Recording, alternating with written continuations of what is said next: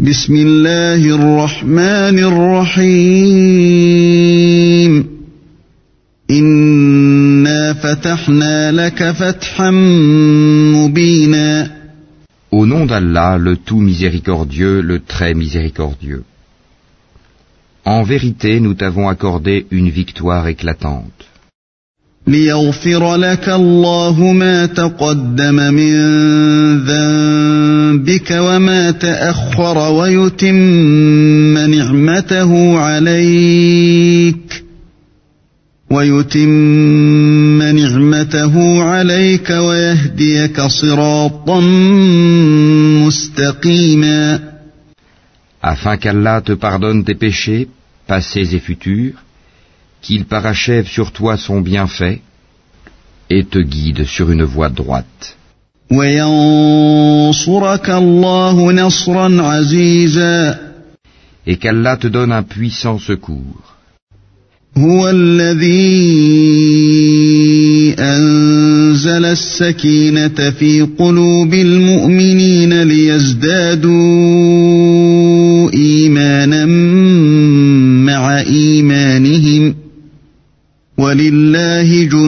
السماوات والأرض وكان الله عليما حكيما C'est lui qui a fait descendre la quiétude dans les cœurs des croyants, afin qu'ils ajoutent une foi à leur foi. À Allah appartiennent les armées des cieux et de la terre, et Allah est omniscient et sage. ليدخل المؤمنين والمؤمنات جنات تجري من تحتها الأنهار خالدين فيها ويكفر عنهم سيئاتهم وكان ذلك عند الله فوزا عظيما. Afin qu'il fasse entrer les croyants et les croyantes dans des jardins sous lesquels coulent les ruisseaux, où ils demeureront éternellement, et afin de leur effacer leurs méfaits. Cela est auprès d'Allah un énorme succès. ويعذب المنافقين والمنافقات والمشركين والمشركات الظانين بالله ظن السوء عليهم دائرة السوء وغضب الله عليهم ولعنهم وأعد لهم جهنم وساءت مصيرا Et afin qu'il châtie les hypocrites, hommes et femmes, et les associateurs et les associatrices, qui pensent du mal d'Allah, qu'un mauvais sort tombe sur eux. Allah est courroucé contre eux, les a maudits, et leur a préparé l'enfer. Quelle mauvaise destination.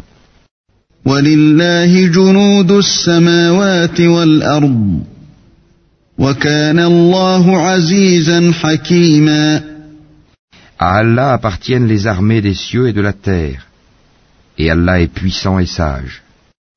إنا أرسلناك شاهدا ومبشرا ونذيرا. Nous t'avons envoyé en tant que témoin, annonciateur de la bonne nouvelle et avertisseur, لتؤمنوا بالله ورسوله وتعزروه وتوقروه وتسبحوه بكرة وأصيلا. pour que vous croyiez en Allah et en son messager, que vous l'honoriez, reconnaissiez sa dignité et le glorifiez matin et soir.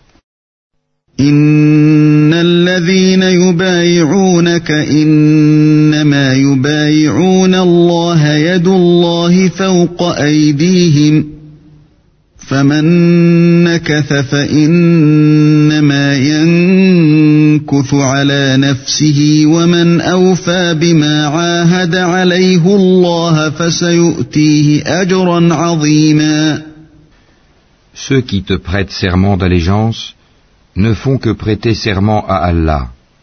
La main d'Allah est au-dessus de leurs mains. Quiconque viole le serment ne le viole qu'à son propre détriment, et quiconque remplit son engagement envers Allah il lui apportera bientôt une énorme récompense. سيقول لك المخلفون من الأعراب شغلتنا أموالنا وأهلنا فاستغفر لنا. يقولون بألسنتهم ما ليس في قلوبهم. قل فمن يملك لكم الله شيئا إن أراد بكم ضرا أو أراد بكم نفعا بل كان الله بما تعملون خبيرا Ceux des Bédouins qui ont été laissés en arrière te diront Nos biens et nos familles nous ont retenus, implore donc pour nous le pardon. Ils disent avec leur langue ce qui n'est pas dans leur cœur.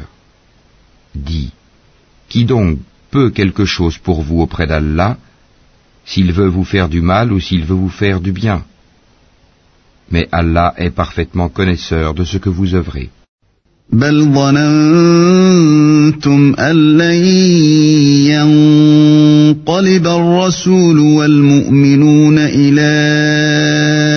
أهليهم أبدا وزين ذلك في قلوبكم وزين ذلك في قلوبكم وظننتم ظن السوء وكنتم قوما بورا Vous pensiez plutôt que le messager et les croyants ne retourneraient jamais plus à leur famille. Et cela vous a été embelli dans vos cœurs et vous avez eu de mauvaises pensées, et vous fûtes des gens perdus.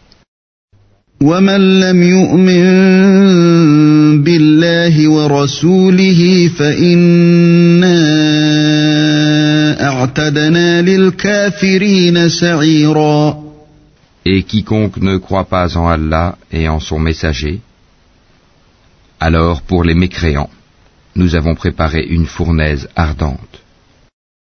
يغفر لمن يشاء ويعذب من يشاء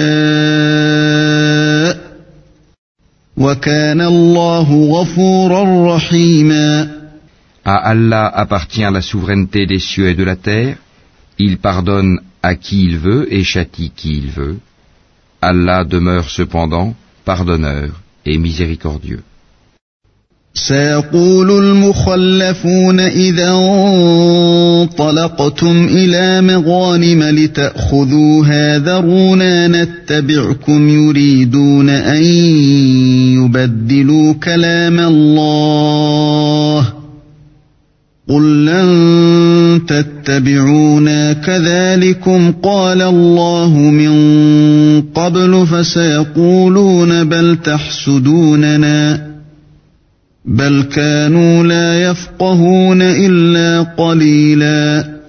Ceux qui restèrent en arrière diront, quand vous vous dirigez vers le butin pour vous en emparer, laissez-nous vous suivre.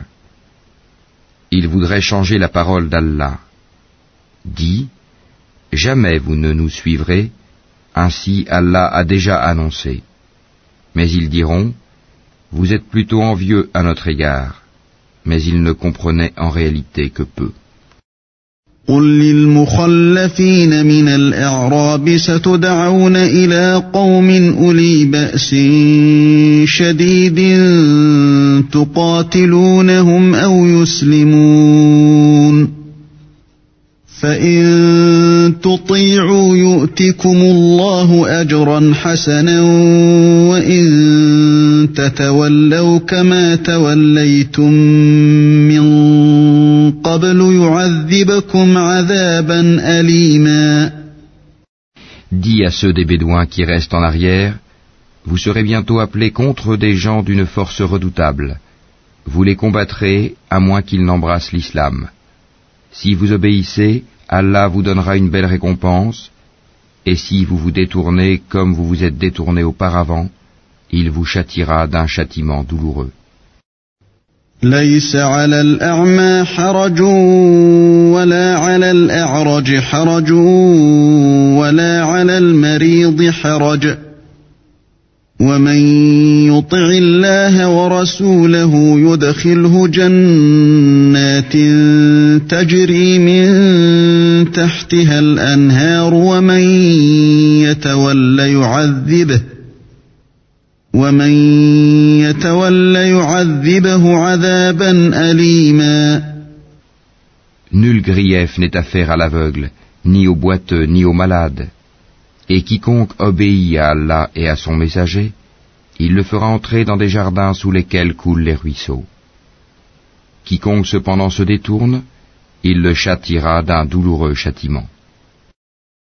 لقد رضي الله عن المؤمنين إذ يبايعونك تحت الشجرة فعلم ما في قلوبهم فأنزل السكينة عليهم ۖ فأنزل السكينة عليهم وأثابهم فتحا قريبا Allah a très certainement agréé les croyants quand ils t'ont prêté le serment d'allégeance sous l'arbre. Il a su ce qu'il y avait dans leur cœur et a fait descendre sur eux la quiétude. Et il les a récompensés par une victoire proche.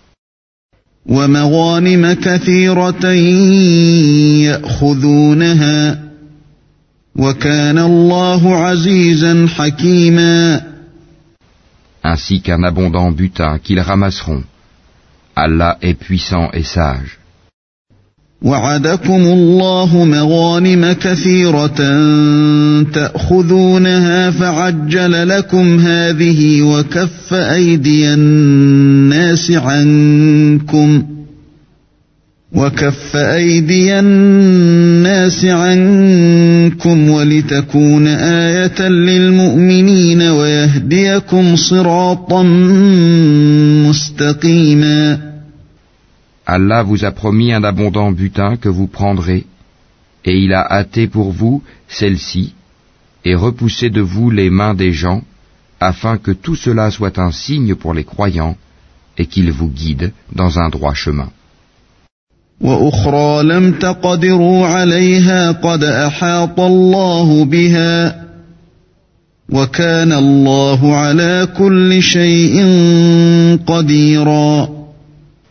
Il vous promet un autre butin que vous ne seriez jamais capable de remporter et qu'Allah a embrassé en sa puissance, car Allah est omnipotent.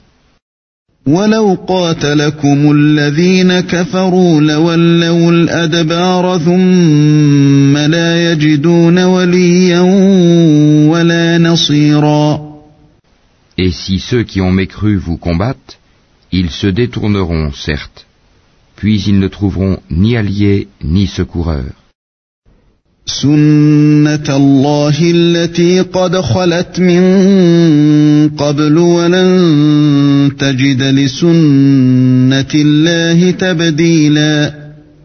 Telle est la règle d'Allah appliquée aux générations passées, et tu ne trouveras jamais de changement à la règle d'Allah.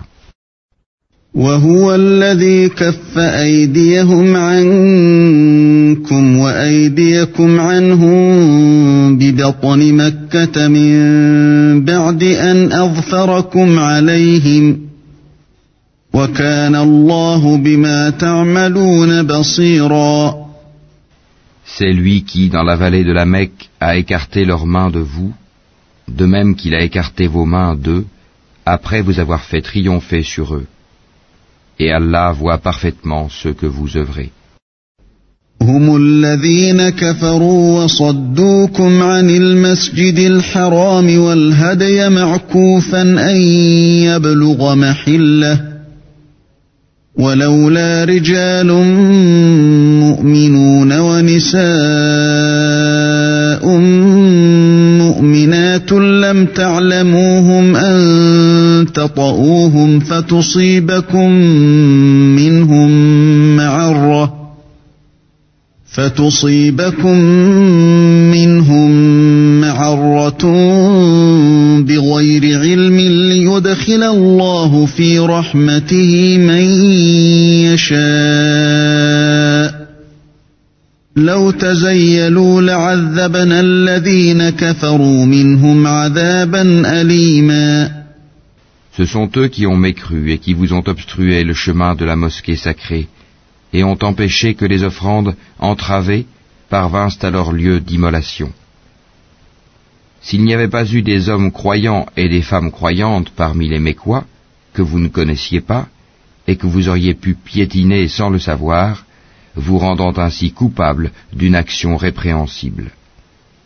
Tout cela s'est fait pour qu'Allah fasse entrer qui il veut dans sa miséricorde, et si les croyants s'étaient signalés, nous aurions certes châtié d'un châtiment douloureux ceux qui avaient mécru parmi les Mécois.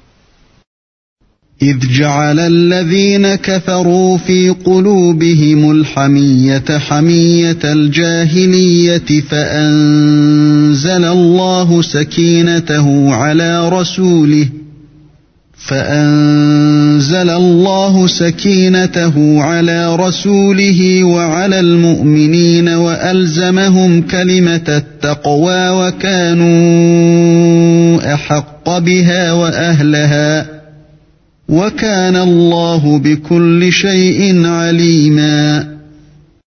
Quand ceux qui ont mécru eurent mis dans leur cœur la fureur, la fureur de l'ignorance, puis Allah fit descendre sa quiétude sur son messager, ainsi que sur les croyants, et les obligea à une parole de piété dont ils étaient les plus dignes et les plus proches.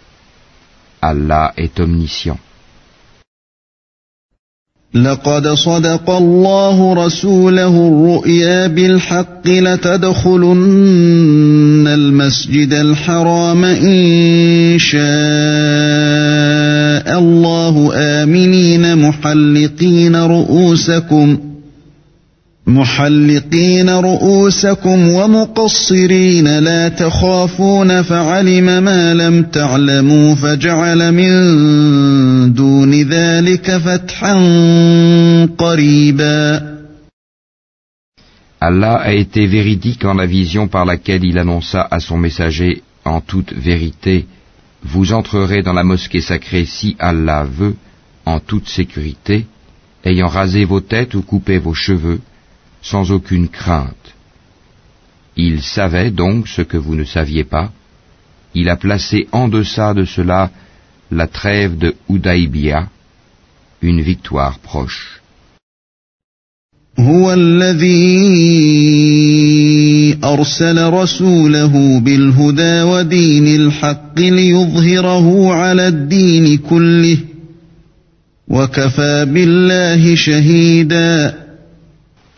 C'est lui qui a envoyé son messager avec la guidée et la religion de vérité, l'islam, pour la faire triompher sur toute autre religion.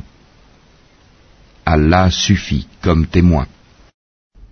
محمد رسول الله والذين معه أشداء على الكفار بينهم تراهم ركعا تراهم ركعا سجدا يبتغون فضلا من الله ورضوانا سيماهم في وجوههم من اثر السجود. ذلك مثلهم في التوراه. ومثلهم في الإنجيل كزرع أخرج شطأه فآزره فاستغلظ فاستوى على سوقه يعجب الزراع ليغيظ بهم الكفار. وعد الله الذين آمنوا وعملوا الصالحات منهم مغفرة وأجرا عظيما. Mohammed est le messager d'Allah, et ceux qui sont avec lui sont durs envers les mécréants, miséricordieux entre eux. Tu les vois inclinés, prosternés, recherchant d'Allah grâce et agrément. Leurs visages sont marqués par la trace laissée par la prosternation. Telle est leur image dans la Torah. Et l'image que l'on donne d'eux dans l'Évangile, est celle d'une semence qui sort sa pousse, puis se raffermit, s'épaissit, et ensuite se dresse sur sa tige. à l'émerveillement des semeurs, Allah par eux, les croyants, remplit de dépit les mécréants.